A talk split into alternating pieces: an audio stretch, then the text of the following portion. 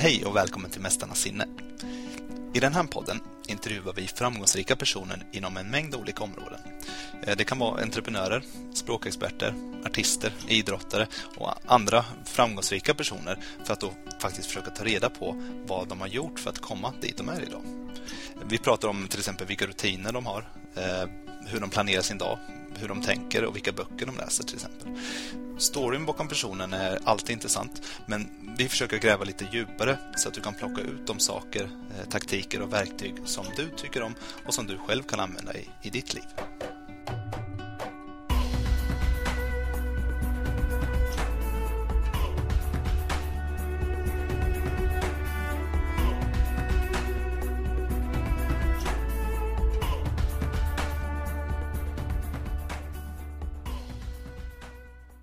Hallå, hallå!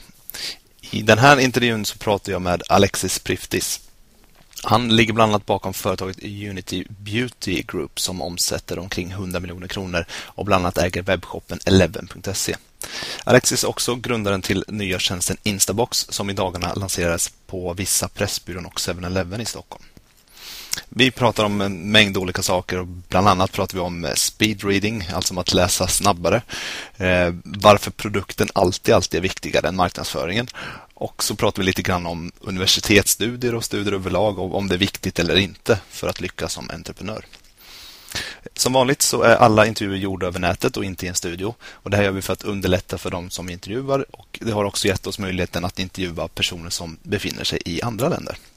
Då kör vi igång med Alexis. Hej och välkommen till podden Alexis. Eh, kan du börja med att berätta lite grann om Parell? Det har ni drivit ganska länge va? Precis, det har funnits i över 50 år. Sedan 62. Ja. ja. Och om man ska dra liksom hela historien så var det väl egentligen så att eh, vi hade ett annat projekt eh, som egentligen handlade om att eh, vi ville sälja kosmetik i apotek. Eh, och det sker ju, sker ju nu så, i bred skala. Så Eh, men vi ville göra det, vi ville ta in det helt enkelt och vi ville hitta något sätt att försöka äga det genom en shop-in-shop. Och det var specifikt parfymkategorin som både jag och min dåvarande partner hade eh, erfarenhet av. Och den ställer också lite speciella utmaningar eftersom eh, allergiker måste kunna vistas på apotek. Men eh, men de uh, mår inte nödvändigtvis så bra av att uh, folk sprayar massa parfym överallt. Mm. Uh, så egentligen vårt case från början, det är lite intressant faktiskt ur ett entreprenöriellt perspektiv. För det blir alltid så här tycker jag. Mm. Vi, ville, vi hade skapat en luftrenande hyllösning. Som man kunde ha, så att den funkade så pass bra så att även om man hade parfym på den och sprayade omkring och testade lite så blev det bättre luftkvalitet i apoteket. Mm. Än innan man hade den här. Um, och med det så ville vi sälja in det. Och det kan man säga, det låter inte idag som en super, super het idé. Men, men det var det vi skulle göra i alla fall. och eh, sen eh, eh, skulle vi, anledningen till att vi kom i kontakt med Parell var för att vi skulle köpa in produkter. Mm. Eh, och i den vevan så eh, upp, vi, vi, insåg att, eh, att Parell var, var ett case som vi kunde jobba med. Um, och det var ju för att uh, det var ett 50 år gammalt företag. Jag tror det var nästan exakt 50 år gammalt när vi kom in i bilden. Mm. Um, och, uh, och, men det är väl svårt att säga, det, hade inte den strukturen som behövdes för att uh, hålla på med, med strategisk utveckling från centralt håll. Och därför hade det blivit ganska spretigt och osamman, osammanhängande.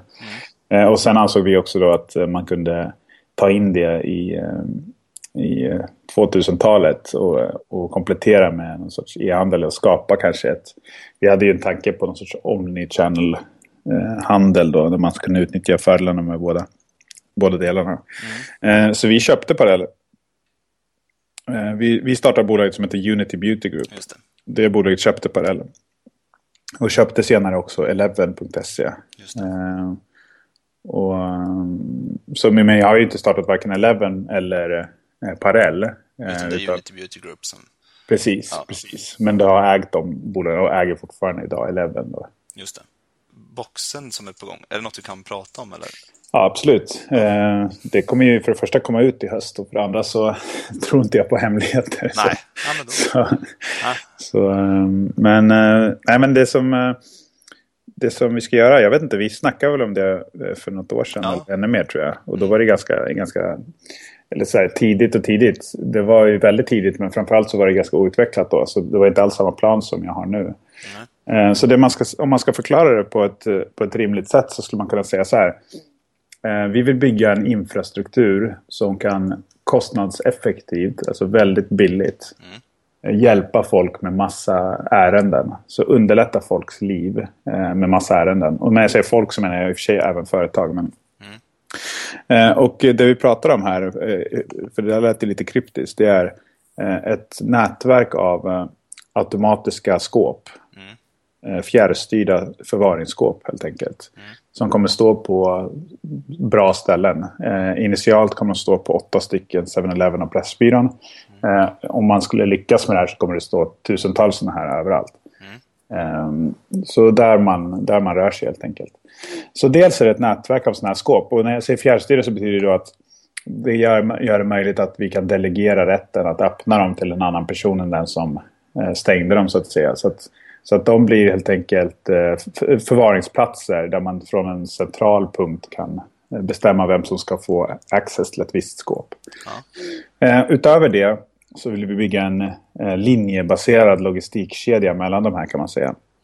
Så att vi förbinder alla de här skåpen med varandra. Och, sen en, och med ett centrallager som vi opererar. Mm. Eh, och sen kan man då koppla på volymer in och ut från det här centrallagret. Eh, och syftet med allt det här är att kunna eh, leverera alla typer av, typer av överlämnings och frakttjänster av små saker. Så mm. det skulle till exempel kunna vara så att eh, det finns folk som vill tvätta eh, men inte hinner till eh, någon tvätteri eller inte Eh, vad det nu kan vara för anledning. Mm. Eh, du skulle kunna lämna av alla dina eh, ärenden i de här skåpen på morgonen. Sen kommer våran buss, kör runt, plockar upp hundra tvättkorgar och massa andra grejer.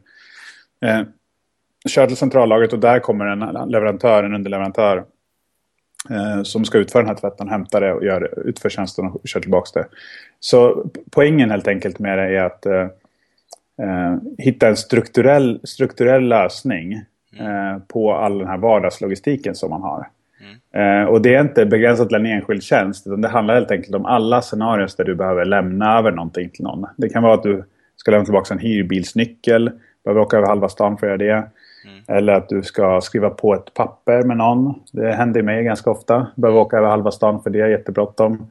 Det kan vara alla fall där du ska buda någonting. Det skulle kunna vara att du säljer någonting på Blocket. Mm. Eh, så det finns tusen grejer. Och sen framförallt då eh, e-handelspaket såklart som är en jättestor eh, volymkälla.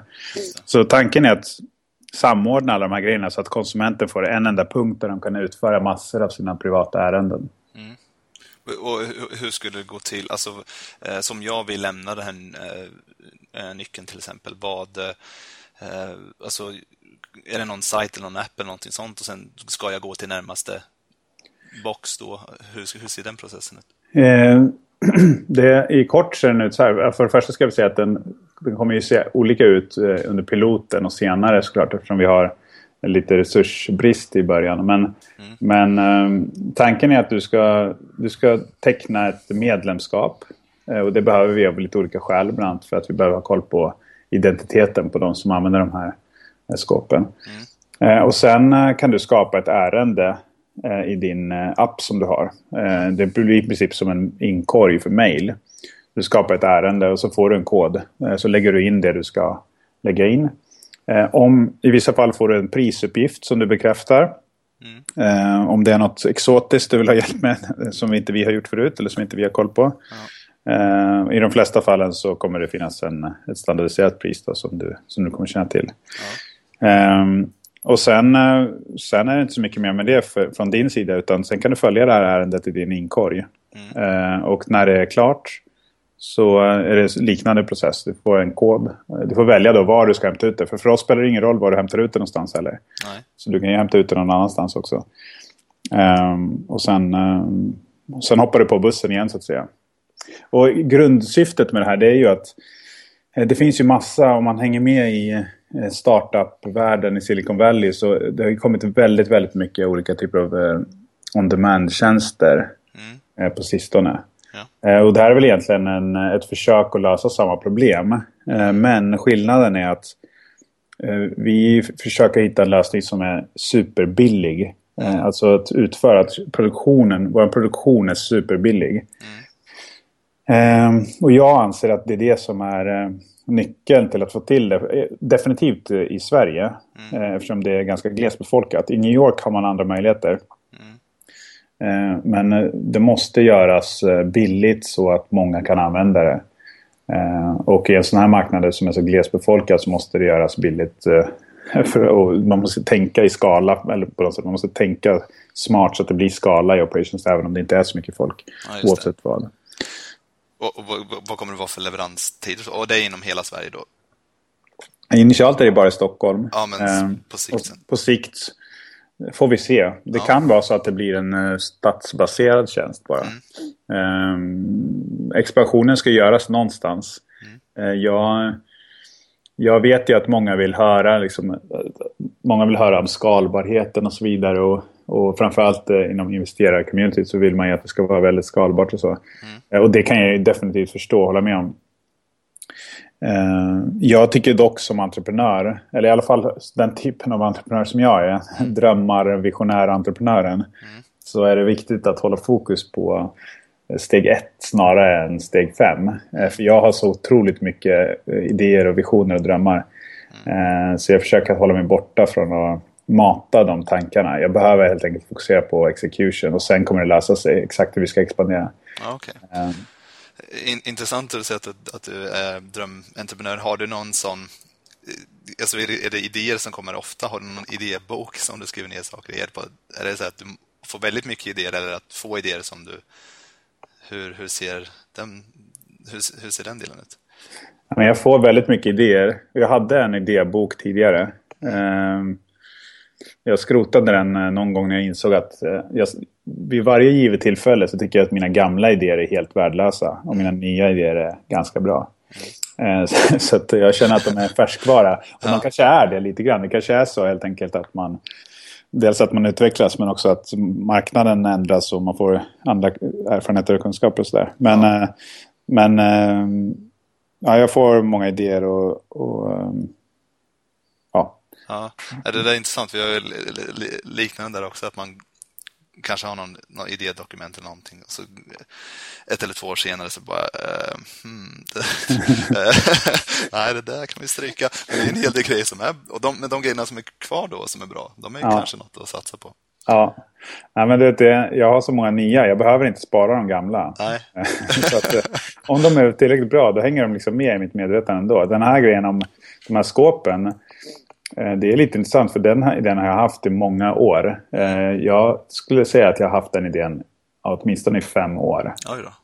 Eh, första embryot till den idén det var att jag ville sätta upp... Då, fanns, då visste jag inte att det fanns sådana här skåp. Eller rätt sagt, det visste jag inte förrän jag började jobba med det. Jag trodde att jag hade uppfunnit dem då. Men jag ja. tyckte det var för jobbigt att uppfinna dem. Ja. Men då hade jag tänkt längs E4 E4 norrut, E4 söderut sätta upp någon sorts... Ja, tänk dig som en bensinmack fast det är ingen bensinmack. Utan ja. du kör av i tio olika filer och så kan du hämta upp alla dina paket och din mat och allt vad det är för någonting. Ah, okay. mm. eh, och det är ju en väldigt liknande tanke. Eh, jag kopplar inte ihop de här förrän långt senare. Eh, men jag kan absolut se att det skulle kunna vara någonting som vi, vi kan göra inom ramarna för det här. Mm. Instabox som det heter. Just eh, så, att, så att vissa tankar är med ändå. Och det, och det handlar främst om, eh, i mitt fall i alla fall, så försöker jag hitta jag försöker hitta saker som inte är lösta på ett så bra sätt. Alltså som hade kunnat lösas smartare. Mm. Um, där det blir en besparing helt enkelt i hela kedjan. Så att det finns möjlighet att göra en win-win utan att egentligen konkurrera med någon.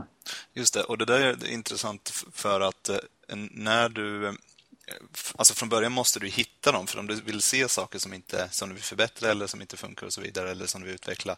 Eh, vart får du, vart ser du det här från början? För man, det finns ju massa olika kanaler. Man kan ju sitta, jag menar mediakonsumtion till exempel, är något som man kan mm. både få ut mycket av men, eller, eller hindras av, att man, mm. att man fastnar i det och, eh, på fel saker. Har du någonting, vart upptäcker du de här sakerna? Ja, men det är en jävligt intressant fråga tycker jag. För att I praktiken så tror jag det blir så att jag, inser saker medan jag jobbar med andra saker. Mm. Det är så det har varit oftast. Och det gör ju också att eh, jag började ju i konsumentvarubranschen. Eh, och sen eh, detaljhandel och sen e-handel och sen eh, nu är det ju logistik men ändå e-handelsrelaterat på något sätt. Eh, och det finns ingen riktigt bra anledning till att det är så. Det är inte så att jag nödvändigtvis... Jag har en del kunskap i och för sig om de här branscherna men, men jag hade kunnat jobba med någon annan bransch lika gärna. Mm. Så att, största anledningen till det är ju att uh, man inser saker medan man håller på med någonting. Mm. Uh, sen när det gäller media och så vidare, jag tror att... Eller, man kan komma på idéer var som helst. Oftast om man som konsument uh, kommer på en idé så är den oftast dålig. För att uh, man förstår helt enkelt inte bakomliggande strukturerna. Nej. Så man, det finns många grejer som verkar vara dåliga och som kanske är dåliga i kärnan men det finns väldigt starka skäl till att de ska vara just så just nu. Mm. Eh, så ofta blir de idéerna naiva tycker jag, eh, inser man efter ett tag. Men eh, nej men jag, det, i praktiken har jag mest fått det från andra projekt och det har skett i väldigt stor utsträckning. Eh, jag skulle vilja ändra på det för jag vill, vill inte se min karriär som en röd tråd egentligen. Jag vill se det som att jag gör insatser på områden som jag tycker är viktiga. Just det. Eh, och när du, du, nämnde också någonting med att man kan bli begränsad av, av media och så vidare. Mm. Eh, jag tycker det är ganska begränsande. Eh, till exempel att, eh, att läsa för mycket om andra entreprenörer mm. och att, eh, att, eh, att titta för mycket på vad andra gör helt enkelt. Mm. Det, det, tycker jag är... Ja, jag håller verkligen med. Det, det, det är lite som, det är någon slags något syndrom som många fastnar i, som, som jag också varit skyldig till, som många varit skyldiga till. Att man, det är liksom self-help-grejen där, att man läser ja. bok efter bok efter bok och inte riktigt tar action ja. Eh, på det. Så att, eh, ja, ehm, nej men verkligen.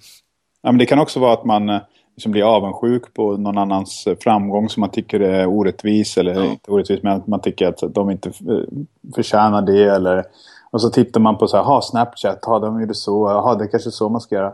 Mm. Jag tror helt enkelt att man, jag tror man måste, man måste inse att de här fallen som lyfts fram är väldigt, väldigt få. Det säger ingenting om vad rätt, rätt arbetssätt är egentligen. Det Nej. säger någonting om, det i och för sig kan vara intressant att, att läsa om, men men man kan inte använda det som instruktionsbok. Nej. Och sen måste man lita på sig själv.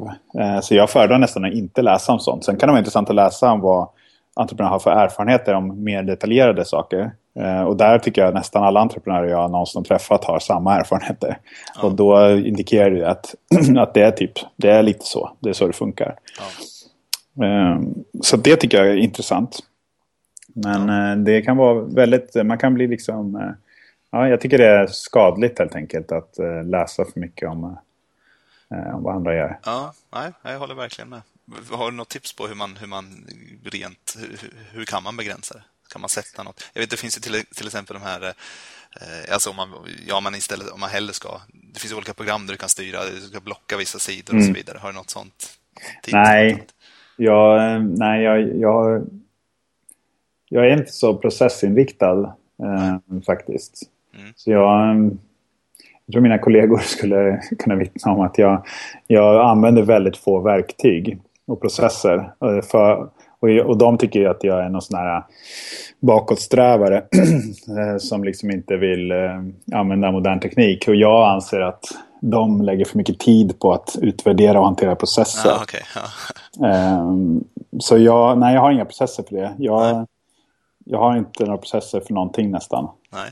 Men um, jag, jag har ju själv varit där liksom, så jag vet ju precis, uh, inte i så stor utsträckning. Jag är ganska mycket frifräsare eller vad man ska säga, skjuter från höften lite och, och, och jag tror att en av anledningarna till att jag är entreprenör är för att jag tror att jag kan göra saker. Mm. Eh, så jag känner inte att jag behöver liksom, jättemycket hjälp och inspiration och sådär. Men jag, jag har också märkt att det kan bli begränsat när man sitter och läser på Techcrunch om alla som nu reste de här 70 miljoner dollar. Man bara va? Att de ska göra det här? Det är ju ja. vad är det för liten skit liksom. I verkligheten så är det ju aldrig så. I verkligheten är det så såklart att för det första har de supertraction om de reser 70 miljoner dollar. Ja. Eh, omsätter säkert flera hundra miljoner. Och så är det oftast mycket mer nyanserat i verkligheten. Och, mm. och dessutom så är det så att det finns tusen andra som försöker göra samma sak som inte lyckades med det. Nej. Men man kan bli begränsad av det. Så jag, Ja, det är väl eh, så att när man har dåliga perioder och prokrastinerar mycket då kan man gräva ner sig i sådana grejer. Mm. Men eh, det är bara att fokusera på vad man själv vill göra. Alltså, det är tråkigt att säga det, men det är bara att skärpa sig. Ja. Typ. Nej, men det, det, det är vettigt. Det är så. Och jag menar, för mycket processer, för mycket rutiner som man försöker tvinga in funkar oftast inte i längden. Nej. I alla fall. Nej. ja. ja, men intressant. Mm, just det. Jo, så eh, angående eh, Parell då, som när ni drog igång e-handeln där, hade ni programmerat och se som byggde själva e-handelslösningen från början och så? Tog ni någon hjälp där? Hur, hur, hur, hur drog ni igång det e-handelsprojektet där? Eh, man kan väl säga så här. Eh, vi, vi eh, gjorde det under väldigt stor hast. Eh, vi ansåg själva att vi hade väldigt bråttom. Eh, vilket i efterhand eh, inte framstår som så uppenbart om man tittar på det nu. Mm. Jag skulle säga att det hade varit bättre att inte ha bråttom. Mm. Hur som helst så ansåg vi att vi hade väldigt bråttom. Eh, vi, eh, till viss del kan man säga att det är sant. Det var, fanns massa andra e-handelsföretag och vi ville haka på det innan de blev för stora de andra. Vi hade en extern partner som heter Panagora som byggde e-handelslösningen. Ja. Och vi vi kom in i det ganska abrupt. Var tvungna att rekrytera ganska mycket folk ganska snabbt för att kunna leverera en väldigt ambitiös plan. Mm. Uh, och det är väl sådana här klassiska entreprenörsmisstag också att, uh, att försöka göra någonting för snabbt och att försöka med en för avancerad plan. Uh, så om jag hade gjort någonting annorlunda idag så hade jag gjort det mycket mycket mer iterativt i, i mindre steg då. Eh, men vi hade som mål att, att, få upp det här innan, eh, innan julhandeln eh, och lyckades väl med nöd och näppe. Eh, I verkligheten så är det klart, man tänker på sådana grejer som julhandeln, att det skulle vara någon viktig grej. Om man har 0% av marknaden så spelar det ingen roll om marknaden är dubbelt så stor just den månaden. Nej. Um, så att, även om man har 1% av marknaden, det är marknadsandelen som räknas, inte marknadsstorleken i början. Eh, det är bara för marknadsledare man behöver oroa sig för sådana saker. Eh, så att det är egentligen helt oviktigt, förutom möjligtvis om det finns någon sorts PR, PR-intresse som är större. Men, men, eh, så vi tog in massa folk helt enkelt och försökte skriva 30 000 produkttexter och oh, hålla på. Liksom. Så det var ju ett jävla jobb. Vi hade ja. ju kunnat göra det eh, gradvis istället. Mm. Eh, men eh, tanken var ju förstås att de e-handlarna som fanns då eh, i mångt och mycket, de, de parallellimporterade produkter, det gjorde inte vi. Vilket gav oss en stor nackdel, nämligen att vi, hade inte, vi kunde inte matcha deras priser. Nej. Men också en stor fördel, att de saknade 70% av sortimentet som vi kunde ha. Just det. Så det var ju helt avgörande för oss att ha hela sortimentet då. Så det var det vi gjorde kan man säga när vi, när vi satte igång med den delen. Just det. Och det var den och vad var det i, i övrigt då? Vad var det liksom som skilde från de andra, eh, från konkurrenterna inom samma bransch där? Eh, ja, men det var väl att eh, egentligen var det bara Kicks som hade eh, fullsortiment och de var inte speciellt stora. Nej. Så de andra eh, hade en helt annan affärsmodell där de köpte in på spotmarknaden det de kom över och sen sålde de ut det kampanjbaserat. Mm. och när jag säger vad de kom över, de kom ju förstås över ganska mycket så de kom ju över storsäljarna. Eh, men det är en annan typ av organisation. Om man, eh, om man, är, om man, är, in, man är inköpsdriven då på något sätt. Eh, om man måste leta produkter på, på en marknad som inte är helt stabil. Då måste man också köpa på sig för mycket ibland och då måste man pusha ut det. Så man blir, man blir kampanjdriven på ett annat sätt. Medan om man har eh, kontrollerade löpande inköp så kan man ha en, en annan modell som inte är lika beroende av att hela tiden hitta rätt deals och så vidare. Just det. Och du sa att när ni anställer, för det här är något som är, är tror jag många, alltså bland de största problemen som entreprenörer är att anställa rätt mm. personer. Mm. Eh, och du, ni anställde väldigt många på kort tid och så vidare. Mm. Och så, vad, hur, hur såg anställningsprocessen ut och lyckades ni få in bra, eh, ett bra team? Så det är väldigt svårt att svara på, tycker jag. För att mm. Eh, jag kan, för det första kan jag säga att, att anställa folk har inte varit någonting som jag har varit speciellt bra på under min entreprenörskarriär. Mm. Det är väl om man tittar på de viktiga områden så skulle jag säga att det är det jag är sämst på. Mm. Um, eller rent resultatmässigt. Samtidigt vet man inte riktigt vad folk uh, har för förmåga eller kapacitet. Man vet ju bara hur det blev i just den situationen. Mm. Uh, så jag skulle också säga att uh, Ja, det är väl inte... Det är väl... Eh, det är ett väldigt komplext område. Det är svårt att lära sig någonting av det. För att det gäller ju att dels hitta rätt person eh, och dels eh, ge den personen rätt förutsättningar. Um, och sen ha lite tur. Och sen, förutom att det, just det ska vara så för den personen så ska alla personerna tillsammans passa ihop bra. Och dels ha kul tillsammans och ha en kul som är produktivt. Inte bara ha kul. Precis. Så det är ju väldigt, väldigt komplicerat. Uh, så jag kan väl säga så här, som helhet så tycker jag inte att vi lyckades så bra med det. Uh, sen vet inte jag, jag vill inte uh, nödvändigtvis skylla ifrån mig på, på de personerna som vi Eh, som vi fick in då. Utan jag skulle snarare säga att det var väl ett... Eh, det var väl inte så... Det blev inte så jättebra. Det blev inte så bra som det hade behövt vara. Eh, men, men jag kan inte säga om det var... Jag, jag skulle väl ta ansvaret mest själv faktiskt. Ja. Och det var ju lite också för att om man har en naiv bild av hur det funkar att anställa någon så tänker man att ja men den här personen kan göra det här man bygger det som klossar liksom. Då lägger vi den här där och det blir jättebra. Sen tar vi den här personen och lägger där. Men det funkar inte så i praktiken. Utan i praktiken är det mycket mer som ett... Uh, det är mycket mer som en fest. Typ. Om vi bjuder in den här personen så ändras festens stämning lite så här. Och om, vi, om vi sätter fram chipskålen här då, då kommer alla stå vid den. Så här. Då kommer dansgolvet bli dött. Eller, förstår jag menar, det blir... Det är väldigt komplicerat och det handlar inte om de faktiska uppgifterna så mycket som det handlar om kulturen. Nej. För att alla uppgifterna är svinenkla för folk att göra.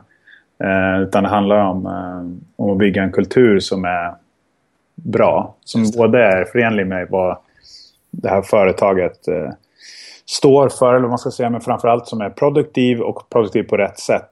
Eh, så så eh, jag tror inte jag tänkte på det i de termerna ens. Och jag tror att eh, det var ett stort problem. Jag tänkte att jag tänkte lite så att det skulle lösa sig då. Typ mm. att om vi tar in den här då så är det här klart. Ja, Sen kan vi ta nästa grej. Ja, jag vet det där känner jag igen själv också. vad, vad, eh, och det är ytterligare en komplex sak blir ju när, alltså beroende på vilken fas företaget är i, så kanske en person som funkade eh, först inte funkar efter mm. åtta månader av någon anledning, eller ett år eller två år och så vidare. Så att det blir en, eh, det är en ständig, eh, en ständig förändring där man kanske måste eh, ja, anställa nya personer på grund av att den personen inte längre kan prestera på nivån företaget är just då. Ja, exakt så är det definitivt. Och sen tror jag också en annan grej med, med företagskultur är att man tänker på det som någonting som man kan manipulera. Eller man kan inte, man, jag anser inte att du kan skissa upp vilken typ av företagskultur du har. Utan jag anser att det kommer bli den kulturen som du eh, lever varje dag. Mm. Eh, och därför måste den vara kopplad till din personlighet ganska mycket. Mm. Eh, och det går inte att... Som ledare, eller på något sätt så blir du en ledare när du betalar folks löner. Mm. Så anser ju folk att om du är nöjd så är det lugnt. Eh, så att om du till exempel är en sån person som inte ser ifrån eller inte kan ta konflikter och så vidare. Då kommer du få en kultur som är, som är kanske kreativ och sådär men som inte nödvändigtvis kommer leverera deadlines. Mm. jag tror det är väldigt viktigt att förstå att kultur är någonting som händer. Det är ingenting som man kan designa riktigt. Man kan påverka den men man kan inte, man kan inte skriva manus till den. Utan, och den har väldigt stark koppling till din egen personlighet. Mm. Eh, så att du kanske helst hade velat ha en viss kultur men med tanke på din egen personlighet så vet du att du inte kan bygga en sån kultur. Så du måste bygga en annan som också skulle kunna funka. Så jag tror att det är, liksom, det är där någonstans, det är dit jag har kommit nu. Mm. Insiktsmässigt. Eh, så att jag anser att jag gör ett mycket bättre jobb med det eh, idag mm. i mitt nya bolag. Uh, och det återstår att se om jag håller med mig själv om, om några år. Men jag, men uh, jag tycker att jag har gjort det rätt. Så, så långt som jag har kommit uh, kunskapsmässigt så har jag gjort det rätt hittills i alla fall. Ja, det är extremt intressant om man ser, ser utvecklingen där. Men, men ja, precis. Okej. Okay. vad heter det? Um, jag tänkte på, för vi var lite grann inne på eh, förut om mediekonsumtion och så vidare, vad man ska läsa och inte läsa och så vidare. Men eh, när du väl, för att anledningen till att jag frågar är för att, för att man ska få olika, alla, alla har ju olika sätt att, att, att, att lära sig nya saker på. Eh, och när man vill lära sig, så att om du till exempel vill, eh, ja, du du ska ta in en ny tjänst i e-handel, du ska börja jobba med konverteringsoptimering eller vad som helst, så vill du lära dig kring, kring det här. Har du något specie speciellt sätt? Hur går du tillväga för att, för att lära dig nya saker? Om du har någon sån process? Mm, bra fråga. Eh, det händer ju ganska ofta. Eh, ofta är det inte stora områden som att jag skulle lära mig konverteringsoptimering utan ofta skulle det vara ganska min mycket mindre specifika grejer. Typ att jag behöver lära mig eh, hur man gör ett sånt här dokument. Eller, eh, så vad finns det någonting man behöver tänka på om man skriver ett sånt här avtal. Mm. Eh, så jag eh, använder ju Google. Mm. Känner du till Google? Ja, det är mm. Så det har jag använt. Eh, tidigare var ju eh, Alta Vista som jag körde mycket. Ja. Nej, men jag, jag, eh, ja, jag är jag är bra på att göra research. Jag är relativt dålig på att fråga folk om hjälp. Eller jag vet, jag vet inte varför. Jag tänker bara inte på det. Jag tänker inte att folk kan hjälpa till med saker. Nej. Uh, jag tror att egentligen hade varit mer effektivt att fråga någon som är duktig på det. För de kan ju sammanfatta det som är viktigt. Ja. Uh, sen är jag... Jag vill veta vad jag håller på med. Så att jag läser ganska mycket grejer. Uh, om jag ska skriva något avtal så läser jag, jag läser hela köplagen mm. från start till slut. Liksom, och sen läser jag något annat. Och så jag har ju läst aktiebolagslagen säkert tio gånger. Eh, och det gör ju att man, eh, när man har gjort saker några gånger, om man har den inställningen. Eh, och jag säger inte att det är rätt, det är absolut inte säkert att det är rätt. Mm. Men på något sätt är det som att jag är nyfiken på hur det funkar. Mm. Så jag nöjer mig inte med att höra vad svaret är, utan jag vill veta hur det funkar. Mm. Och det gör att efter ett tag så får man koll på, på saker. Mm. Så att, så ja, jag skulle säga jag googlar och sen läser jag. Och jag, jag är ganska detaljfokuserad då. Så jag gillar liksom att... Det är lite som att jag försöker hitta kryphål och sånt också automatiskt. Och nu, nu tog jag exemplet med, med lagen, men det kan ju vara vad som helst. Mm. Eh, jag försöker liksom, medan jag läser om konverteringsoptimering då, så försöker jag själv formulera min egen hypotes då. Och det är ibland bra, ibland dåligt. Eh, ibland är det bättre att bara göra det som funkar för andra istället för att försöka hitta på sina egna grejer. För det mesta, tyvärr. Men så, så, du skulle, så det är mer naturligt för din del, alltså från början, alltså, att du vill veta, ta reda på själv, nyfikenheten. Eh, det, är, så det är ingenting du behöver tvinga dig till att nu, så här, utan det är mer naturligt det kommer. Ja, det är väldigt naturligt. Eh, jag skulle säga att jag, jag, om jag sitter ner på och tittar på någon vacker utsikt så kommer jag, då kommer jag få upp frågor i mitt huvud som till exempel undra varför eh, löven faller på just det där sättet. Sen kommer jag försöka tänka ut varför det är. Ehm, så det är, liksom, det är väldigt, väldigt naturligt för mig. Mm, intressant. Eh, och när du läser saker, läser du snabbt? Har du någon gång läst, så kollat eh, hur många ord per minut du läser? Något sånt? Jag gjorde faktiskt en sån här, när jag jobbade på Proctor så hade vi massa olika såna ut, utbildningar. Ja. Eh, då gick jag en sån speed reading-utbildning. Ja, okay. Då läste jag sjukt snabbt, men jag vet inte riktigt. Alltså jag, jag, vet inte om jag gjorde rätt. Nej. Jag är inte säker på att jag faktiskt det, det, var så svårt. Jag vet inte om du vet hur det där funkar. Det är det, ganska intressant faktiskt. Väldigt intressant. Får gärna berätta. Jag har, jag har själv testat också. Det finns lite olika tekniker. Men hur gjorde, hur gjorde du? Jag kommer inte ihåg i detalj, men grundprincipen var väl att ögonen kunde ta in eh, och lagra. Hjärnan kunde liksom processa det snabbare om det inte gick genom tal. Mm. Så att man inte försökte läsa det högt så att säga, eller tyst för sig. Utan man bara tog in det. Eh, och så använder man en väldigt, väldigt primitiv metod kan man tycka. Där man bara drar pekfingret under en viss takt. Ja. Och så följer man med ögat. Så till slut så vänjer man sig vid att eh, läsa i den. Eller liksom tving, tvångsläsa. Mata, bara trycka in informationen. Just det, med vänsterhand också va? Man ska ja, precis. precis det. Ja. Och sen skulle man ha någon takt, som så metronom som gav takten. Så jag tränade lite på det. Jag tyckte det var en kul grej. Eh, jag kan inte säga om det funkade eller inte. Nej. Uh, för att jag kunde göra det ganska snabbt men jag kunde inte heller säga helt säkert att jag hade läst texten. Nej. Det var som att jag visste en massa saker om texten. Men det var ju definitivt inte samma sak som att läsa den som vanligt. Uh, så därför... Man hade kanske behövt ett annat ord för det som inte var att läsa. Uh, och det finns väl skumma igenom. Skumma, men när jag skummar så läser jag ju. Uh, fast jag kanske hoppar över vissa meningar. Just det, men, men kommer du ihåg, alltså för jag, jag, man har vänner så sen som oavsett vad, när jag läste en bok en gång för fem år sedan och så, så jag kommer inte ens ihåg jag kommer bara ihåg att någonting där som man pratar man läst samma bok och då kan man säga, ja ah, men det där stod ju på sida 34 typ. Ja. Eh, så här. Är, kommer du ihåg på detaljnivå så du kommer ihåg allt? Nej, det kan jag inte säga. Alltså jag tyckte då att det var typ som att jag tyckte då att jag fick in informationen på något sätt. Men eh, jag vet fan alltså. Jag skulle säga att det är tveksamt. Jag, eller så här, jag ska inte säga att det, jag, skulle, jag ska inte säga att jag inte fick in informationen. Eh, jag får ge dem ändå uh, the benefit of a doubt. Mm. Så jag får väl säga att jag skulle behöva undersöka det mer. Men jag kan inte definitivt säga att det funkade i alla fall. Utan jag kan säga att det kändes som att det gjorde någonting. Uh, och det finns säkert situationer där man skulle kunna använda det. Mm. Uh, men jag är inte säker. Och jag, jag gillade teorin bakom det. Det var därför jag la tid på det. Jag tyckte mm. det made sense att det skulle kunna vara så. Inte att det nödvändigtvis måste vara så, för jag kan se massa eh, argument mot det också. Mm. Eh, men, men jag tycker det kan vara värt att testa. Mm. Men så, så när jag, jag läser som en vanlig människa nu för tiden. Ja, just det. Uh... det, ser, det ser ju väldigt skumt ut också. Man ska ja. bläddra jättesnabbt i en bok, bara sveper med pek, pekfingret över. Ja, det ser ut som att man försöker låtsas att man... jag vet. Som någon gammal här, science fiction-rulle från 80-talet. Ja. Man bara bläddra framåt. Exakt. Ja, eh, ja, ja nej, men okej. Men, men när du väl... Eh, okej, så du vet att nu ska jag läsa den här eh, aktiebolags lagtexten till exempel. Ja. Eh, hur, hur sätter du ner... Alltså, vad, hur gör du för att koncentrera dig då? Alltså, har du någon, någon, några sådana rutiner? Att du går in i ett rum och lyssnar på en viss sorts musik? Eller alltså, har du något tips där? Liksom? Alltså om jag ska läsa någonting, i det fallet så jag, är ju, jag letar ju efter någonting då, så jag är ju intresserad. Så jag behöver inte anstränga mig Nej, för att koncentrera mig. Det är inte så att jag säger, sätter upp det på min läslista. Jag borde läsa aktiebolagslagen.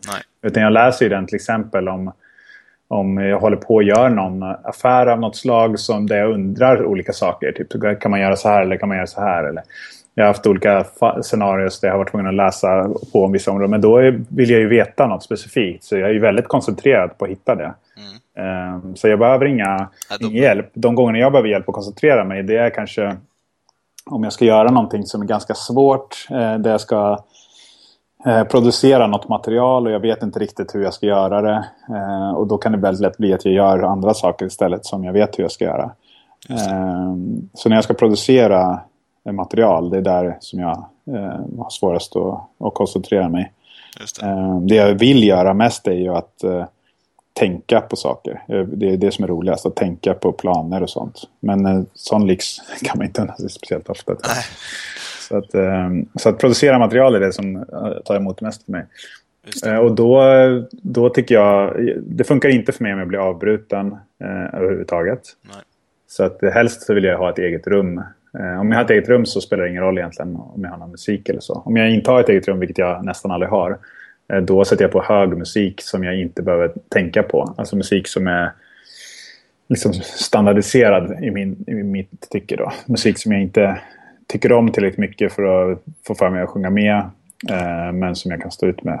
Så att eh, sätta på någonting som, som bara dundrar på. Eh, som blockar ut allt annat. Vad skulle det kunna vara till exempel?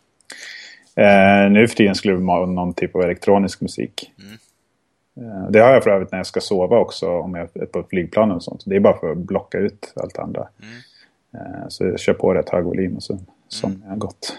Ja, ja, men det är bra. Jag, det, men hur, hur hittar du nu musik? För jag är helt, jag, jag orkar inte leta efter ny musik, men jag som tur har en kollega som varannan dag skickar ny musik. Ja, ja men jag har också så. Ja, det har det. Ja, det är Fast det är kompisar. Ja, nej, jag har inte... Jag, ehm, nej, det, jag önskar att jag... För jag, det är inte så att jag inte tycker om det. Det är bara att när jag försöker leta så hittar jag ingenting. Nej, samma här. Så, att, så jag måste ju ha någon guide helt enkelt som har ungefär samma smak som jag. Ja. Eller åtminstone så att det blir rätt varannan gång. Annars är det inte värt eh, tiden. Jag har inte så mycket tid helt enkelt. Just det. Eh, Okej, okay. och apropå när lära sig saker och så vidare. Vad, vad pluggar du på? Du pluggar på universitetet. Vad ja. pluggar du där? Eh, jag pluggade teknisk matematik eh, i Lund. Så det är som teknisk fysik fast eh, de har tagit bort massa fysik och satt ännu mer matte istället. Ah, okay. Och sen pluggade jag ekonomi också. Ah. Eh, så att, eh, men jag har pluggat allt möjligt. Jag, jag hade den entreprenöriella själen redan då, även om jag inte kallade det det. Eh, så jag fönstershoppade i princip på de här anmälningskatalogerna. Mm. Så jag har ju läst eh, medie, kommunikationsvetenskap och psykologi. Och jag har ju programmerat ganska mycket. Eller jag, har programmerat, jag har läst massa programmeringskurser. Mm. Eh, jag, har, jag har liksom gjort lite allt möjligt. Jag tyckte all, mycket var väldigt intressant. Eh, men jag gick, de program jag gick var ju civilingenjör och civilekonom. Mm, är det något du, du är nöjd med? Är det någonting så som du känner att det här borde inte pluggat eller allting kändes bra? Och vad skulle du rekommendera till, till andra och, och plugga liksom? Det är jävligt svårt det där tycker jag. Om jag ska vara helt ärlig så... Alltså det var ju bra och det är bra att ha någonting sånt. Mm. Man kan ju få ett jobb och sådär. Och det fick jag. Det var ju bra att få lite erfarenhet och självförtroende och sådär. Eh, om man ska bli entreprenör.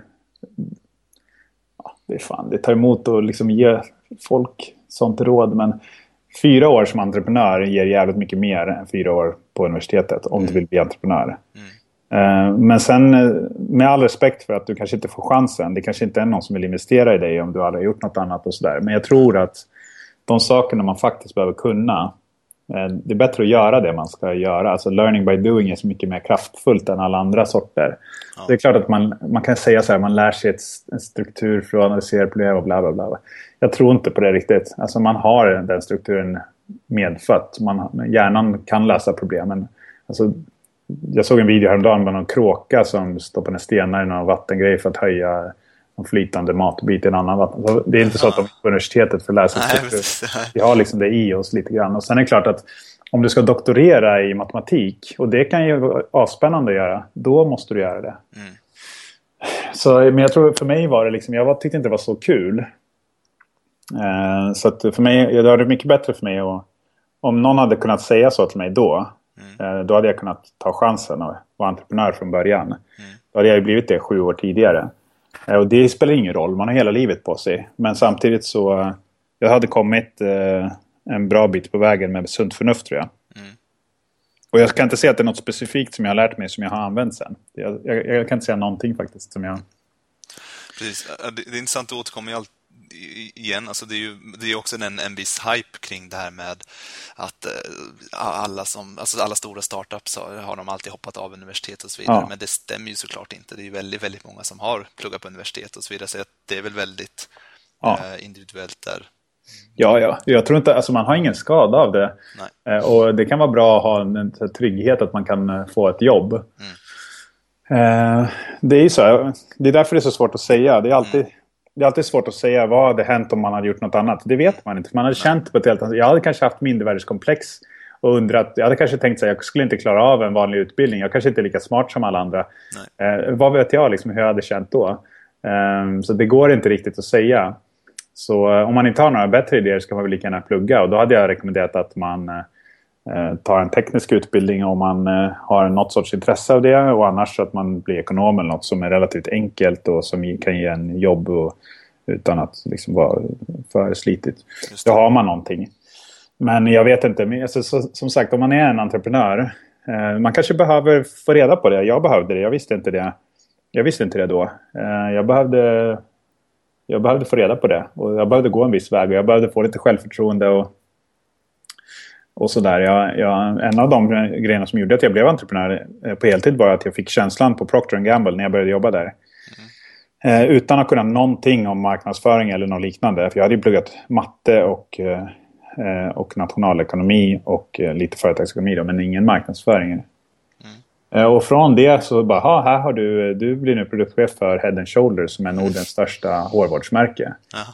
Det kändes så otroligt märkligt. Och dels var det såklart att det fanns en supportstruktur så det var inte så att man var liksom ensamt ansvarig för det. Men samtidigt så fick jag känslan av att aha, det var inte mer än så här. Så här, om, jag, om, jag, om, de nu kan, om de nu tror att jag kan göra det här eh, då måste det väl betyda att det mesta är väl rätt eh, naturligt egentligen. Att man bara behöver lite sunt förnuft och lite hårt arbete så kommer det lösa sig. Så den känslan var väldigt central för mig i min mognadsprocess för att bli entreprenör på riktigt. Ehm, så det är svårt att säga vilken väg man hade gått annars. Ehm, man kan ju inte välja om heller, som Nej. tur är. För annars hade man fått... Man hade spelat om det här många gånger så Precis. man hade tröttnat på det. Speciellt om man är perfektionist då, så det blir väldigt jobbigt. Ja, exakt. Mm, Okej, okay. ja. Men så um, när du då i andra änden då med, med, med eh, med, med att plugga och med att jobba. Och, för jag vet, alltså, varje gång jag ringer till, till dig eller vi pratar med varandra något som känns det som att lite oavsett vad klockan är så jobbar du. du, du jobbar du väldigt mycket. Har du, har du en, det vet jag att du gör, men har du en eh, har du några specifika tider som du, du säger att jag, jag jobbar inte efter klockan åtta eller någonting sånt? Har, eller Hur, hur ser en normal arbetsdag ut för dig? jag skulle säga tvärtom faktiskt. Eh, jag har jobbat väldigt mycket eh, under min karriär och framförallt så var det för att jag jag tyckte det var så jävla kul. Mm. Så att jag har jobbat väldigt mycket sen, jag började jobba 2006 eller vad det var. Mm. Så det var nio år sedan. Eh, och jag tyckte det var så otroligt kul. Och jag, jag ville mycket liksom. Så jag har ju vant mig vid att jobba väldigt långa veckor. Mm. Och det har ju varit positivt. Och, och, eller så här, det är en konsekvens av något positivt. Det är en konsekvens av att jag tycker det är kul. Mm. Uh, så jag har, ingen, jag liksom har inget att klaga på. Nej. Men däremot så ska man säga, jag, man måste ju vara medveten också om man har en viss livsstil i 5, 6, 7 år. Då är det svårt att byta.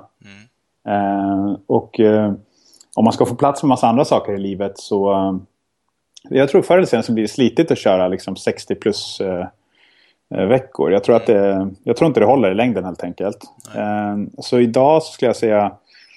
Jag jobbar inte mycket mer än 40 timmar i veckan.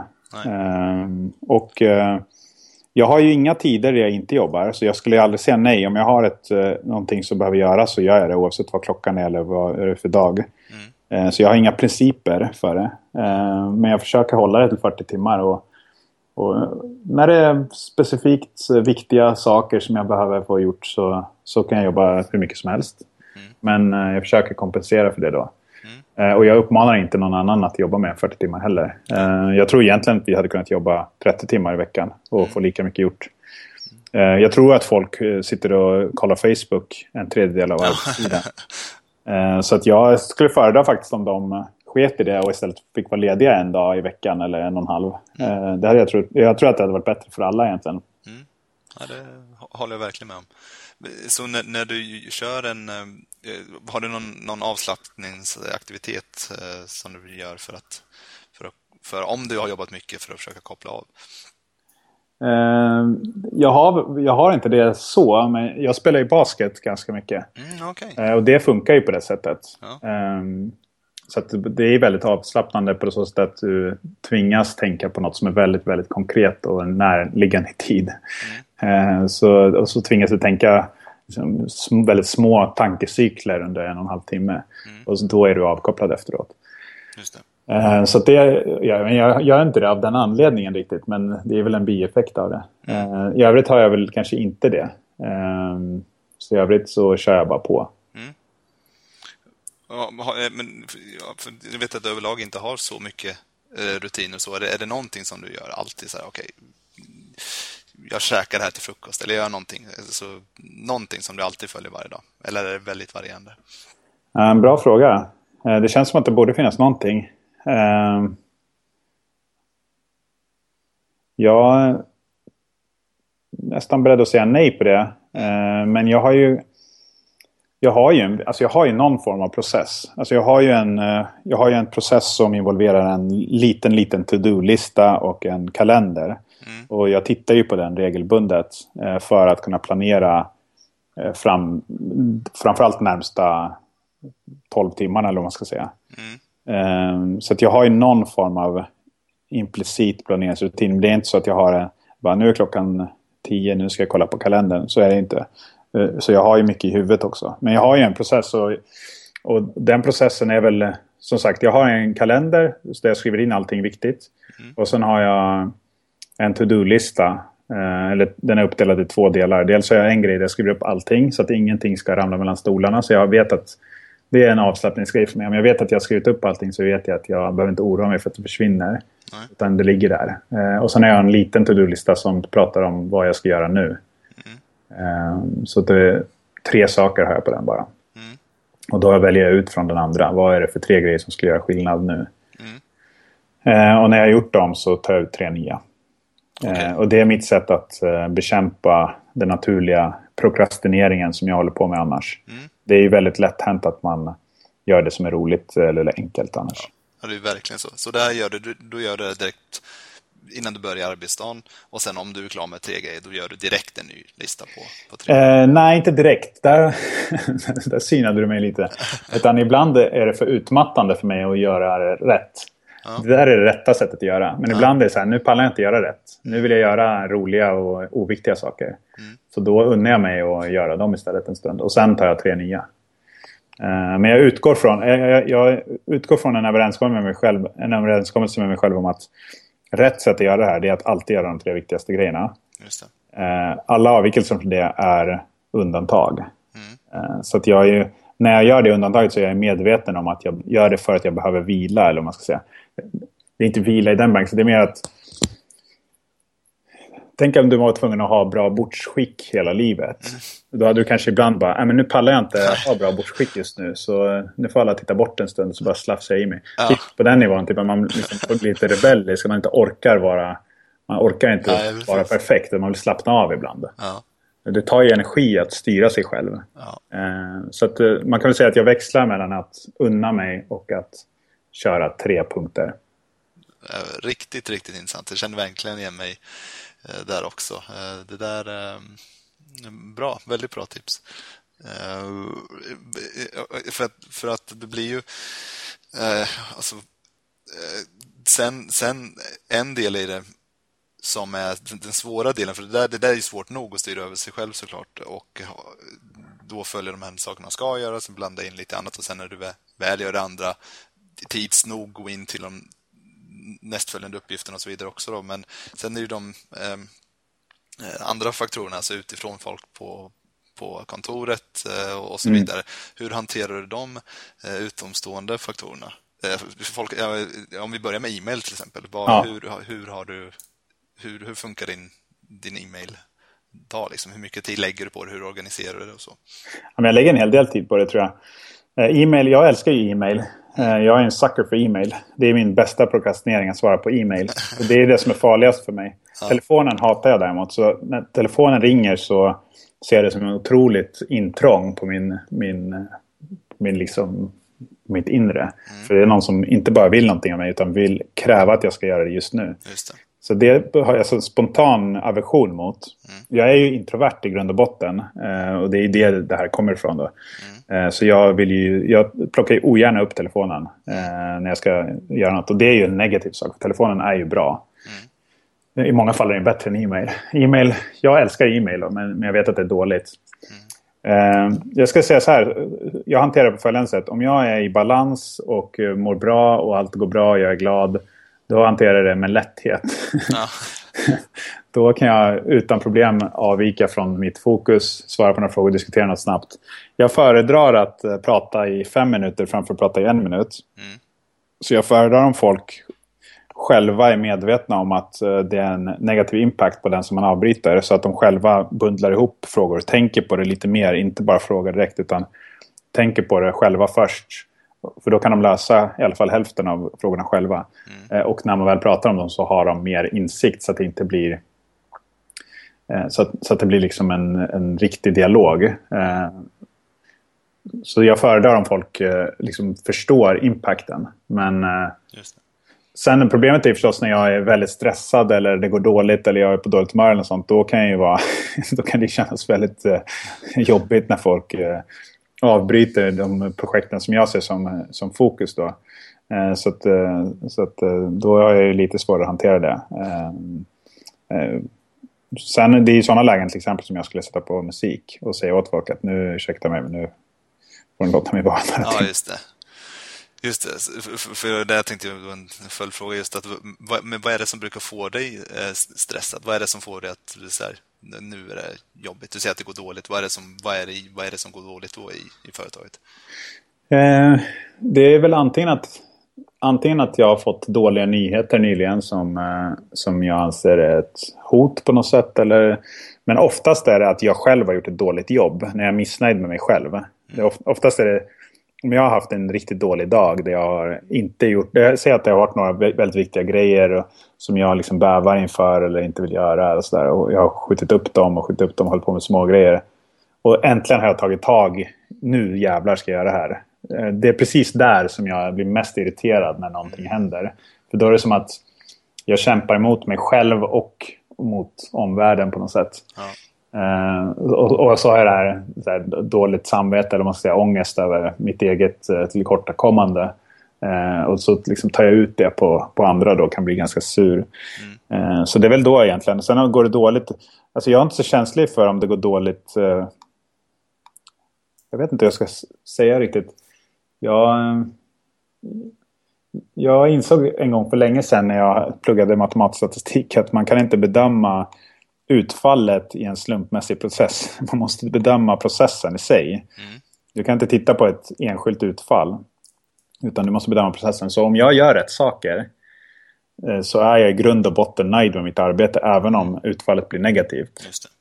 Eh, och jag har liksom haft den tanken så pass länge så att jag har internaliserat den helt och hållet. Så jag känner verkligen så också. Mm. Eh, så jag, om en kund inte är intresserad av att jobba med mig så blir jag inte ledsen över det. Mm. Däremot blir jag missnöjd om jag har gjort ett dåligt jobb. Just det. Uh, och det tycker jag det är en sån bra grej som jag har jobbat på länge som jag har fått till rätt bra. Som jag försöker få andra att förstå också. För det är väldigt lätt att fira slumpmässig framgång. Det finns mm. inget att fira om du har vunnit på Lotto. Det är bara att konstatera. Visst, du kan göra en ny budget med de nya pengarna. Mm. Men det finns ingen anledning att klappa sig på ryggen för det. Det var ett dåligt beslut som ledde till en bra Ja, precis. Så, för det här är väldigt intressant. Så hur, eh, hur, hur, hur kom du till den punkten att du kan bli nöjd med det. Alltså, jag menar, för det är ju alltid då, man kan ju alltid, man ska, kan ju alltid sen tvivla på, gjorde jag verkligen det bästa och så vidare. Hur, hur kom du till den punkten? Ja, nej men jag, man kan tvivla på det. Fast jag tycker ändå att man vet. Mm. Eh, på något sätt, när du, eh, jag har sprungit mycket också. Eh, man vet om man kämpar eller inte. Ja, Ibland så tar man en liten genväg och man vet när man fuskar. Mm. Och sen är det så här, ibland har man ibland gör man liksom, man gör misstag. Typ så här, fan hur kunde jag inte tänka på att jag borde ha kollat med tre leverantörer istället för en leverantör. Mm. Okej, okay, det är en fuck-up, absolut. Men du fuskade inte, du gjorde, inte, du gjorde ditt bästa. Mm. Man kan inte vara för missnöjd med att man gör ett fel eller att man snubblar. Eller så här. Det är bara, man kan, däremot blir jag jävligt missnöjd när jag fuskar eller när jag skär jag tar lite genvägar som jag vet att jag inte borde eller jag slarvar med någonting eller så jag, på något sätt är det som att jag vet. Jag vet om jag har gjort mitt bästa eller inte. Jag vet om jag har varit nonchalant eller om jag har haft respekt för uppgiften och sådär. Går jag in i ett möte och, och eh, ja, nu i höstas till exempel. Jag pratar fortfarande om det mötet. Det var ett misstag på ett sätt. Jag skulle ha en investerarpitch. Mm. Och så har jag inte sovit någonting innan. Mm. Av vissa skäl. Det var inte så att jag var ute och festade. Men det var inte heller så att jag hade något jätteviktigt som jag, som jag skulle göra. Hur som helst hade jag sovit någon timme bara. Eh, och eh, jag har, på mötet har jag jättesvårt att hålla, jag har svårt att hålla en röd tråd. Jag, fatt, jag är liksom trög i hjärnan. Jag mm. får inte till det överhuvudtaget. Mm. Eh, och jag blev super, super missnöjd med det mötet. Mm. Inte för att de inte vill investera. Det kan jag verkligen inte klandra dem för. Och jag har också fått nej från 10-20 andra. Som jag inte är missnöjd med mötena med. Men där blev jag missnöjd för att så här, ja, man, kan inte, man, man kan inte gå in i ett möte så här. Det, man måste ha respekt för uppgiften. Det här är ett viktigt möte. Liksom. Man, man kan inte göra det. Så jag tänker fortfarande på det misslyckandet. Jag, så på något sätt vet man. Jag tror att man vet om man har fuskat eller inte. Ja, det är extremt intressant för att eh, det känner mig igen med jättemycket själv men att det är liksom eh, eh, det här är sånt som folk verkligen kan relatera med. Men det som är intressant är att varje gång man pratar med andra entreprenörer så man har alla har inte exakt samma uppfattning om olika saker. Men Nej. det är väldigt nära, de problemen som man beskriver är väldigt närliggande. Ja. Jag tror att alla upplever mer eller mindre samma saker och löser det på lite olika sätt. Ja, ja det, det, det är, och det där som blir, det är lite fällan i, i det här som vi pratade om förut också med att läsa för mycket om andra som har lyckats ja. och så vidare. Och, och sen blir det också så här med att läsa om eh, okej, okay, han, han gör på det här sättet, man har mm. det, här, det här är liksom den här grejen du ska göra. Och så kommer man ändå tillbaka till att ja, men det, det är ju... Alltså är man nöjd med sig själv, man, man känner ju sig själv ja. på något sätt. Och det blir liksom, gör bara vad du tror är ja. bra. Du vet att du på riktigt man inte ljuger för sig själv. Ja. Då, blir det, då blir det rätt till slut. Ja, men grejen är, jag har verkligen så... En av dina frågor som står här är, är du spirituell på något sätt? Och mitt naturliga svar är nej. Eh, men jag har en så otroligt tydlig upplevelse av att när jag gör rätt, när jag gör bra saker, då har jag tur. Mm. Och när jag gör fel, då har jag otur. Så om jag... Alltså det är helt orelaterade saker. Mm. Men det är på något sätt som att... Uh, jag vet inte hur jag ska förklara det. Jag har en så väldigt tydlig upplevelse om, och det, det har ju säkert med mig att göra, liksom, att jag uppfattar grejer mer positivt. Så här. Men när jag, gör, när jag är liksom fokuserad och disciplinerad och gör det jag behöver göra och tänker och har respekt för uppgifterna och liksom inte går omkring och är kaxig och sådär. Mm. Då har jag flyt. Jag har tur från höger och vänster. Det bara händer grejer hela tiden. Och, bara, och sen när jag liksom har en dålig period när jag Antingen kan det vara att jag lite, har lite hybris och tror att allting är superenkelt eller att jag liksom är för kaxig eller att jag är för lat eller att jag, vad det nu kan vara för någonting. Mm. Då har jag otur. Saker liksom kommer in från ingenstans och ställer till det. Mm. Så jag är så otroligt tydlig, typ att, att man att man blidkar någon sorts turgud eller något sånt där genom att göra rätt. Och jag tror ju inte att det är så. Men eh, jag vet inte, det är någonting med det där. Ja det känns som att, eh, som att man förtjänar sin tur på något sätt. Mm. Eh, något som jag där har märkt vissa gånger är när man alltså egentligen när man har, okej okay, jag, jag, vet att jag går, jag gör vad jag vill göra nu och jag gör det och sen ibland blir det, när det är väldigt mycket motgångar och varit under en viss period så börjar man, man kan ju flera, man är ju ofta flera projekt man jobbar med och så vidare och så kanske man känner att just det här, mm, jag är lite osäker på om det här verkligen är, så börjar ett visst tvivel komma upp. Ja. Eh, väldigt, väldigt många gånger då är det som att eh, någonting stort händer eh, just i det här tillfället som gör att man fortsätter framåt. Ja. Det, det är liksom, ja det är, eh, ja det är väldigt, väldigt intressant. Jag vet inte vad liksom bakgrunden är. Jag, jag tänkte på det när jag, jag jobbade i kassan på en matbutik när jag gick på gymnasiet. Och då funderade jag väldigt mycket på det här med varför det är så att först kommer ingen och sen kommer jättemånga. Mm. Alltså till kassan. Mm. Är det så att de står och väntar på varandra? Liksom? Ja. Det var ju väldigt, väldigt tydligt att det var så. Ja. Men jag tror helt enkelt att det är så att det är en viss slumpmässig tid mellan att folk kommer och eh, det, resultatet är att det ser ut så. Jag tror att det, det, är lite så säkert i de här fallen också. att Det har förmodligen att göra med hur man upp, upplever vilka detaljer man väljer att lägga märke till och vilka man inte väljer att lägga märke till. Ja. Så det finns säkert en förklaring till det. Men det spelar egentligen ingen roll för att, eh, för att eh, om man upplever det som att man har flyt och allting går bra och man också gör rätt saker, då är man ju nöjd. Ja. Så det är bara att göra det. Ja. Så behöver man inte tänka på varför det känns så. Och så där. Nej. Nej, jag håller verkligen med. Um, ja, intressant. Jag hoppar till en helt annan fråga här. Nu är det här en väldigt, väldigt eh, kanske svår fråga. Jag vet inte. Um, och det är bara rent så att om, om du hade 10 000 som du kunde satsa, som du ville få växa helt enkelt, mm. vad skulle du göra då? Har du liksom en... Um, det beror på vad jag mer skulle ha. Skulle jag liksom bara, bara ha det? Det bästa tror jag hade varit att ha tid också till exempel. Då hade man kunnat köpa någon produktionsapparat av något slag. Mm. Um, men förstår jag, men om jag säger så här, jag skulle köpa en dator i mm. fall. Mm, ah, okay.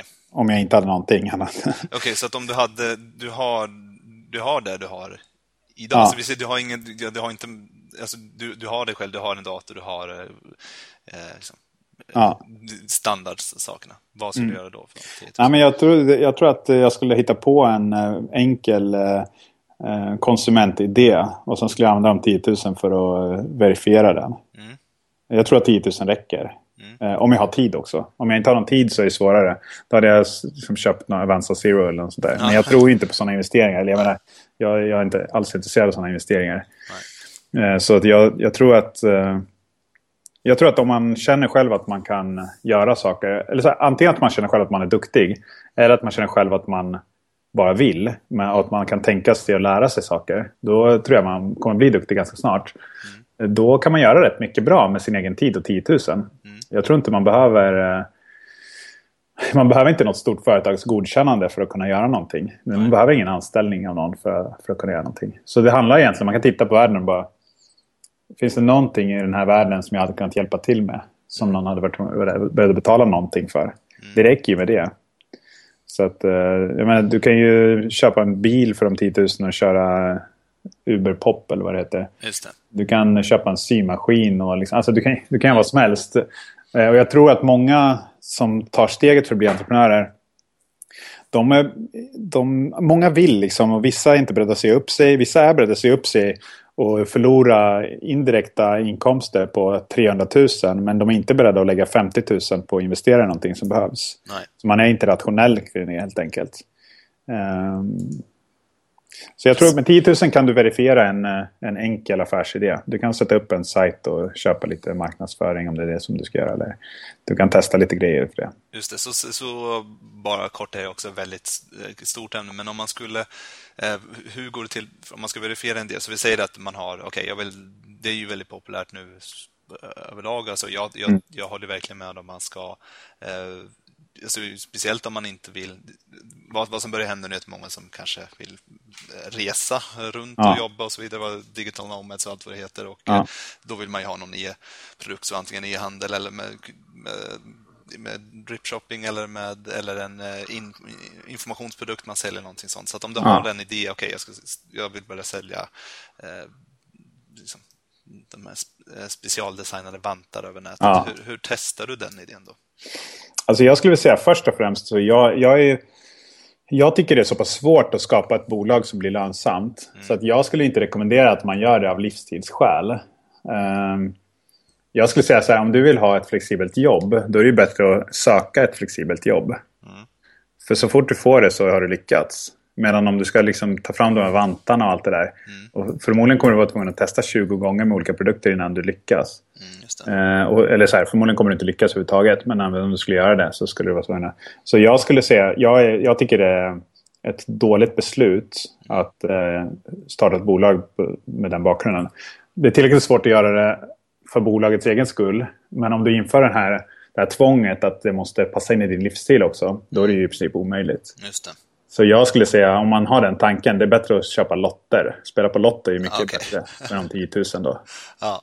Uh, det, det, det, låter lite respektlöst kanske, men jag menar bara det här är ingen, det är ingen livsstilsgrej. Antingen vill du bygga ett riktigt bolag mm. eller så drömmer du om att vinna jackpotten. Och då är det bättre att köpa lotter, det är mycket mindre arbete. Just det, så om du främst ute efter den livsstilen och kunna vara digital nomad, då är det bättre att då är det bättre att hitta ett sånt distansjobb då istället. Ja, helt, absolut. Ja. Utan tvekan. Eh, du vet, det finns ju andra som har lyckats skapa sådana grejer. Mm, så du kan ju säkert jobba åt dem. Eller det finns ju location free roles. Och framförallt om man är liksom utvecklare så kan man ju få det hur lätt som helst. Ska jag säga. Mm. Men jag menar bara det här. Vet, bakgrunden. Det är verkligen som att säga, ja men jag, det skulle vara skönt att kunna åka ner till Öland eh, utan att behöva ta den här bussen. Jag uppfinner en bil. Fast det är inte bättre att köpa en bil av någon annan. Mm. De har redan uppfunnit den.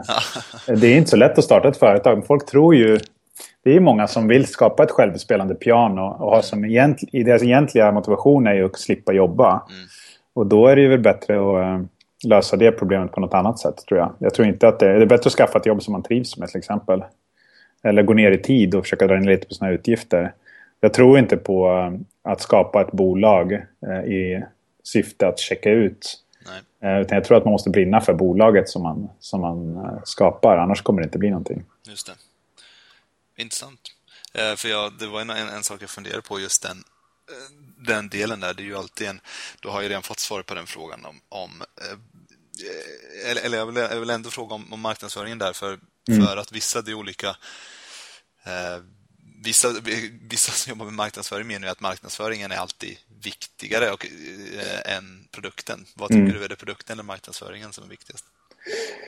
Eh, jag vet faktiskt svaret på det.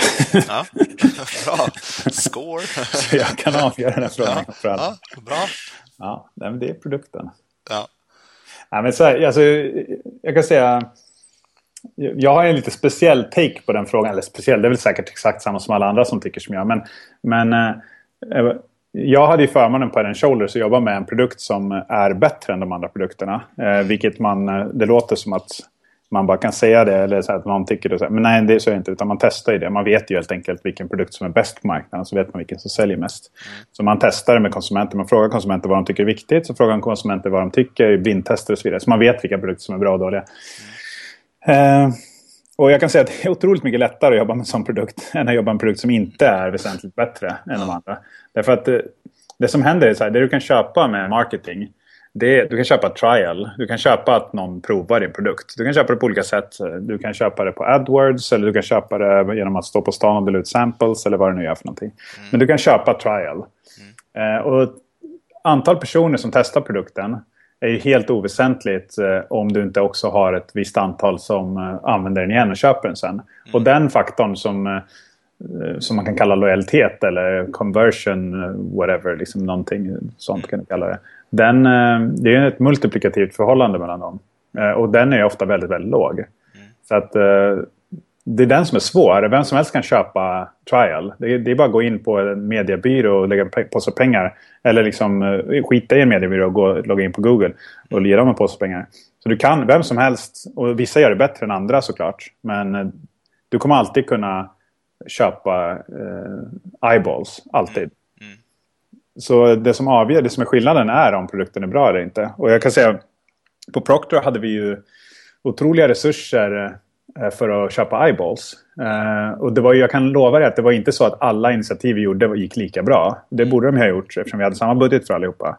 Så det var ju definitivt inte så att, uh, att så var fallet. Utan det, var ju otroligt, det är otroligt mycket execution som avgör. Så du kan ju göra två grejer. Även på ett stort välkänt varumärke så kan du göra två olika aktiviteter. Den ena ger noll i ROI, den andra ger jättemycket. Så att jag ser det som att när man köper eyeballs, det man gör är att man sitter på en middag så börjar man klinga i glaset för att ha något bra att säga.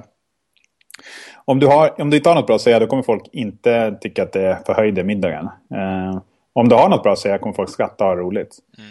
Så att eh, klinga i glaset det kostar pengar. Men ha något att säga det är det som är utmaningen. Det är, där, det, är det som skiljer eh, lyckade cases från misslyckade. Så, um, så jag tror inte att någon någonsin har lyckats utan att ha en bra produkt i någon bemärkelse. Nej. Intressant. Eh, då har vi, då är det, då har vi svaret. Då har vi svaret där, klart. Då stänger vi ner allt. Eh, ja, men bra. Det är, jag hörde häromdagen också från någon, eh, någon en författare som pratar om att du kan alltid, vad du kan göra om du skriver en, en bok som är dålig, till exempel, att du, du, du kan alltid komma upp på Amazon Best Buyer, Bestseller-listan. Mm. Liksom. Du kan alltid hacka upp på något i alla vänster med marknadsföringen, mm. men du, du kommer aldrig stanna kvar där. Det, finns, det går inte. Att, eh, Nej, och boken är en, en, speciell produkt också på så sätt att det är ett väldigt intressant exempel om du jämför med schampo. Därför att en bok, på Proctor hade man eh, två begrepp som hette eh, F-mått och S-mått. Alltså first moment of truth och second moment of truth. Mm. Och first moment of truth det är när man möter produkten i hyllan. Och då måste den liksom se mer attraktiv ut än de andra. Mm. Och det kan man väl jämföra med det här författarfallet. Du kan pipa upp en bok. Du kanske kan få någon att skriva något positivt om den. Du kan, göra, du kan liksom förpacka den på ett bra sätt så att folk köper den. Eh, och i vissa kategorier, som i den till exempel, så drabbas du inte negativt av att alla tyckte den var dålig. Utan då har de redan köpt den. På lång sikt så är det klart att det drabbas ju för att det kommer vara svårare nästa gång. Eh, så det finns kategorier där du kan fuska mer. Mer F-mått-drivna kategorier, där kan du fuska mer. Mm. Om vi pratar om schampo, det är fullständigt oväsentligt om du får massa personer att testa det. Om de inte köper igen. Och de flesta spel man spelar som entreprenör är ju upprepade spel. Och då hjälper det inte. Så, men, men det är en fair point. Det, när det är i väldigt first moment of truth-orienterade marknader så så kanske man har större möjligheter att uh, fuska sig till med, med marketing. Uh, men jag tror inte på det som en generell strategi överhuvudtaget. Nej. Bra. Eh, jag har en, en, en, sista fråga här om eh, lite, om du har några tips på, eller tre tips till eh, främst entreprenörer då. Mm. på tre tips på böcker. Mm. Har du någonting? Nej, jag, alltså, jag, jag, jag tror Lean Startup är jävligt bra. Ja, bra grej att ha koll på. Ja, uh, jag har inte läst den själv. Uh, men jag förstår ju vad den handlar om. Så jag upplever att jag har läst den. Mm. Uh, sen jag blev rekommenderad någon bok som handlar om riskkapital och, och villkor kring det och hur man ska tänka och sådär. Som jag hade kunnat rekommendera även om jag inte har läst den heller. Men i grund och botten så tror jag inte... Jag, jag skulle vända på det och säga jag skulle rekommendera att man inte läser tre böcker. okay. ja. Faktiskt. Ja.